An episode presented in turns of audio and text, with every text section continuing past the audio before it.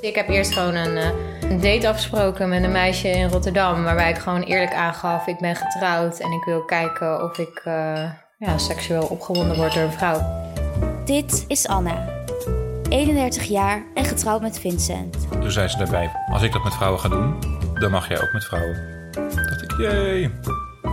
Anna en Vincent zijn getrouwd, maar ze hebben geen typisch huwelijk. Ze hebben namelijk meerdere liefdesrelaties tegelijk. Ze zijn polyamoreus. Sinds kort is er zelfs iemand bij ze ingetrokken, Marike. Maar daar ging natuurlijk heel wat aan vooraf. Ik speelde toen ook uh, vaak met, met iemand op het podium. Met een meisje, was dan ook mijn liefdespartner. En dan ben je dan acht weken lang ben je, elke dag aan het repeteren, aan het acteren met elkaar dat je verliefd bent. En je deelt alles met elkaar. En dan ontstond er ook, ontstonden er ook gevoelens. En dat communiceerde ik met Anna heel open. Van nou, ik ontwikkel gevoelens voor dat meisje. En toen zei Anna, nou, interessant. Als je daarin wilt onderzoeken wat je daarin allemaal kunt ervaren. Maar wacht even, hè, Anna. Hmm. Jij dacht niet van, uh, wat is dit? Uh, dit vind ik helemaal niet leuk. Ik ken Vincent eigenlijk al sinds mijn elfde of zo. En ik weet wie... Ik weet dat het gewoon onderdeel is van wie die is. Dat hij heel makkelijk... Uh, als hij in verbinding is met andere mensen, dat hij ook die liefde daarbij betrekt. En die dan ook verliefdheid genoemd kan worden. We zaten op dezelfde zangvereniging in het meisjeskoor, hij in het jongenskoor. En daar had hij dan uh, een vriendinnetje. En ja, een beetje als buitenstaander maakte ik toen ook al mee. Dat hij dan uh, om de havenklap verliefd was op iemand anders. In die zin wist ik dat het in, voor hem heel normaal was om dat op hetzelfde moment te ervaren. Dat het wel gewoon net zoveel liefde was, zeg maar. Dat het niet of die liefde of die liefde was.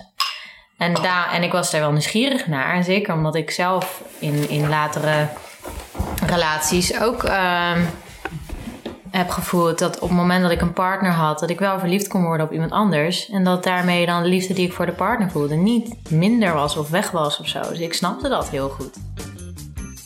Ik neem jou even mee naar de slaapkamer.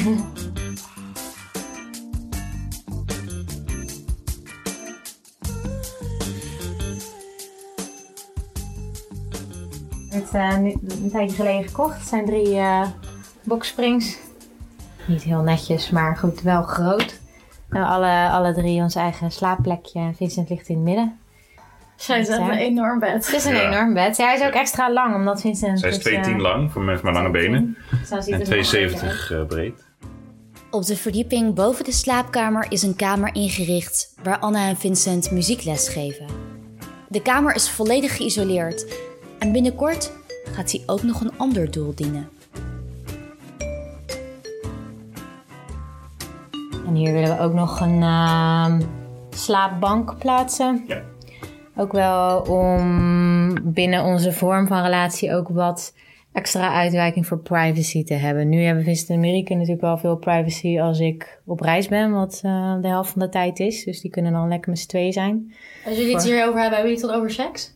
Uh, ja. In principe wel, ja. Ja. Ja, zeker. Ja, tenminste, het kan ook zijn dat, dat, dat ze dat dan niet doen. Nee, maar kijk, als je op een andere manier je, je wil afzonderen, dan gaan Marieke en ik gewoon even een wandeling maken in het bos. Of dan gaat ze even masseren op de massagekamer of andersom. Ja. Of, weet je. Maar als het om seks gaat, dan moet, wil je natuurlijk echt privacy hebben. En dat is ook emotioneel het, het moeilijkst om dan in dezelfde, hetzelfde huis aanwezig te zijn terwijl de andere twee seks hebben. Stel je voor, hè? Dan lig je dus in bed en dan zijn je geliefden letterlijk een kamer onder je samen aan het seksen. Dan moet je goed bij jezelf kunnen zijn. En dan in dat gevoel van liefde kunnen zijn. Dat je er, dat je er niet helemaal van distancieert. Terwijl je er toch fysiek dan op dat moment niet bij betrokken bent. Maar dat je gewoon wel zeg maar in die liefdesverbinding blijft. Dat is voor mij zeg maar de een, the only way. Ja, het is ook iets wat we dan zullen blijven afstemmen. Kijk, als twee, twee van ons drie aangeven van wij hebben die behoefte. En de derde geeft aan, maar ik vind dat nu niet fijn. Ik wil, ik wil erbij zijn bijvoorbeeld. Dan ga je dat dan doen. ga je dat doen. Ja. En gisteravond... Uh, ben ik bijvoorbeeld even iets anders gaan doen. Terwijl ik in principe thuis ben. Omdat Marieke natuurlijk vandaag wegging. En ik niet toevallig op tournee ben en zo. En ik bij hen allebei voelde dat het voor hen goed was om even samen te zijn nog. Dus toen ben ik gewoon wat anders gaan doen. Maar hoe zit het dan met jaloezie? Marieke voelde als mijn vriendinnetje. En als Anne dan met Marieke samen was, had ik in het begin zoiets van... Ja, maar wacht even. Mm. Zo kregen wij een soort van de competitie. competitie. Maar dat is nu niet meer. Omdat er volledig vertrouwen is dat wij hem erbij willen. Dus Ja, als dat er niet daar, is... daar moet je wel van overtuigd zijn dan. Dat, dat als zij met z'n tweeën ergens zijn en ze zitten in een flow en, en ik heb het gevoel dat ze dat leuker vinden om dat met elkaar te doen dan met mij, ja, dan zou het pijnlijk kunnen worden. Maar dat voelt niet zo. De komende drie weken zijn Anna en Vincent alleen. Marieke die gaat namelijk drie weken naar Schotland. Op de fiets in haar eentje. Net voor het afscheid ontmoeten we elkaar. Hoi. Ja. Hoi. Hoi. Esther. Marieke. Hoi. Marieke. Hoi, leuk te ontmoeten. En hoe is het voor jou om hier te wonen? Ehm, nieuw. In het begin was het ehm, even mijn plekje vinden. Maar inmiddels ben ik erg geland in het huis. En ook met z'n drieën hebben we echt onze weg gevonden. Je kan ook niet zo'n ehm, relatie aangaan zonder dat je de hele tijd gewoon bewust bent van jezelf. En naar jezelf durft te kijken. Je kan heel makkelijk een soort van prinses gaan spelen die gered wil worden uit de toren.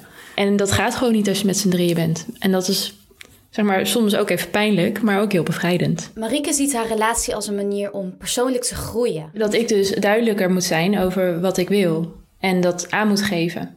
En dat dat niet automatisch wel opgepikt wordt als ik het één keer zeg. Maar heb je dat niet in eerdere relaties ook gemerkt, zoiets? Tuurlijk, maar nu wordt het gewoon zo erg uitvergroot. Want je hebt niet één spiegel, je hebt twee spiegels die je de hele tijd eh, spiegelen. Na een aantal jaar samen konden Anna en Vincent elkaar op emotioneel vlak niet altijd even goed vinden. Dat lijkt Marieke en Vincent makkelijker af te gaan. En dan zag ik hun naar elkaar kijken, over elkaar aanraken, of bewegen. En dat ik gewoon zie, ja, dat is het dus. Als, als je bepaalde verlangens deelt met je partner en je weet het niet helemaal te matchen of een plek te geven, dat is pijnlijk. Maar op het moment dat ik zie dat mijn man zich opent voor een bepaalde flow. En dat is dan niet door mij heen, maar ik kan er wel bij zijn. Want ik heb dus ook nooit het, de angst gehad of het gevoel van... oh, hij wil dat dan met iemand anders ervaren, niet met mij. Dan voel ik vooral van, nou, neem me daar maar in mee. En dan wil ik zelf ook ervaren hoe dat is. Omdat ik ook op die manier natuurlijk naar mijn partners wil uitstromen. En ik ervaar natuurlijk die stroom die zij dan met z'n tweeën hebben... ook met andere mensen.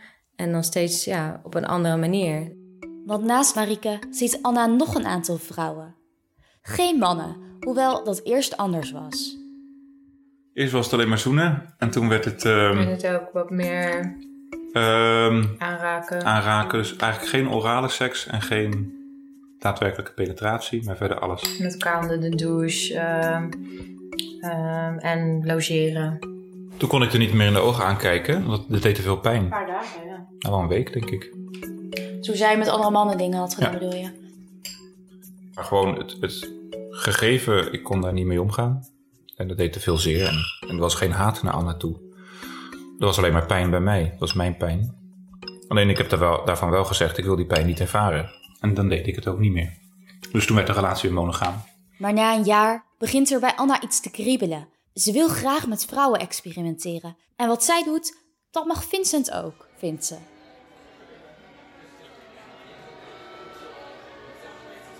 Ik heb eerst gewoon een, eh, een, een date afgesproken met een meisje in Rotterdam. Waarbij ik gewoon eerlijk aangaf: ik ben getrouwd en ik wil kijken of ik eh, ja, seksueel opgewonden word door een vrouw. Ik heb nog nooit enige ervaring gehad en eh, wil je dat?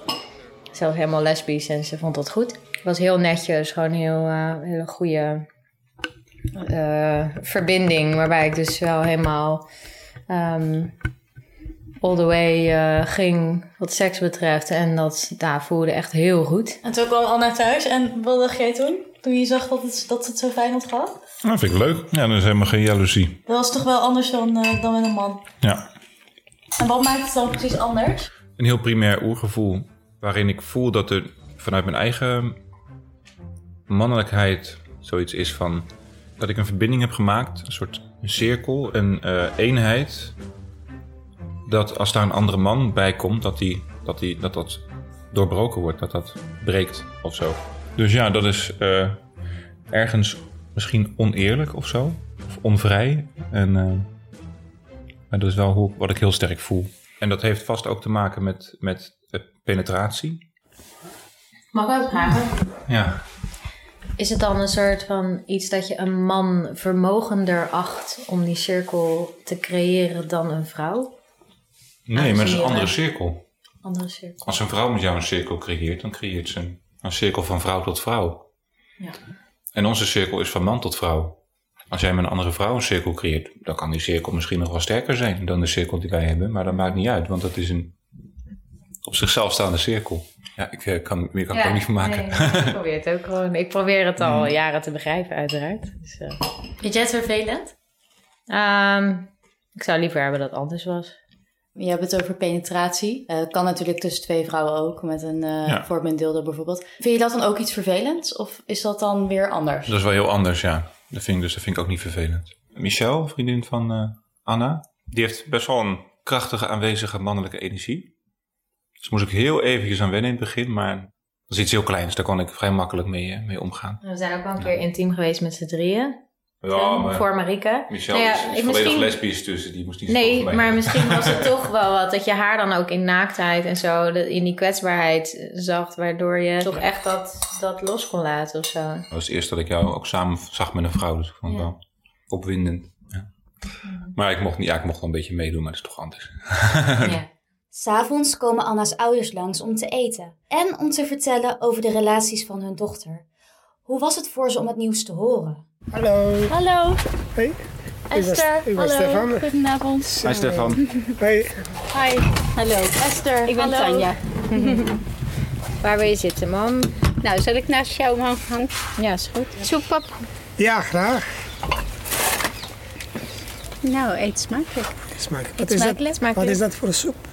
Eh, courgette voornamelijk. Oh, nou, dat andere vinden we groenten. lekker.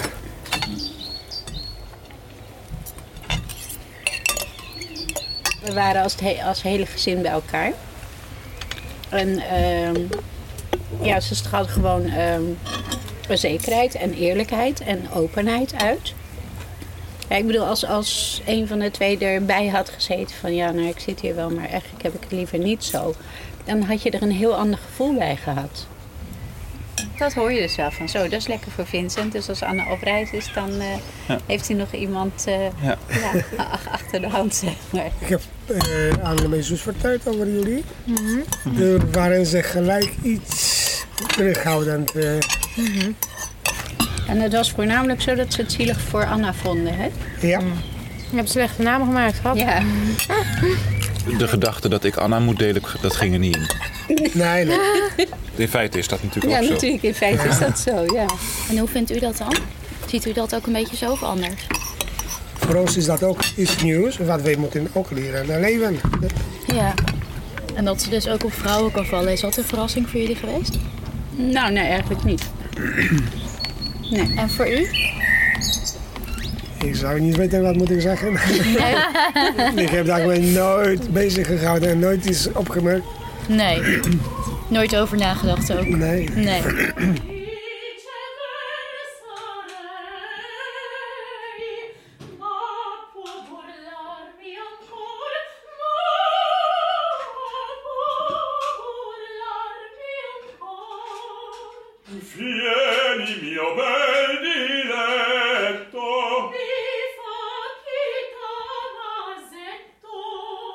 Io cangerò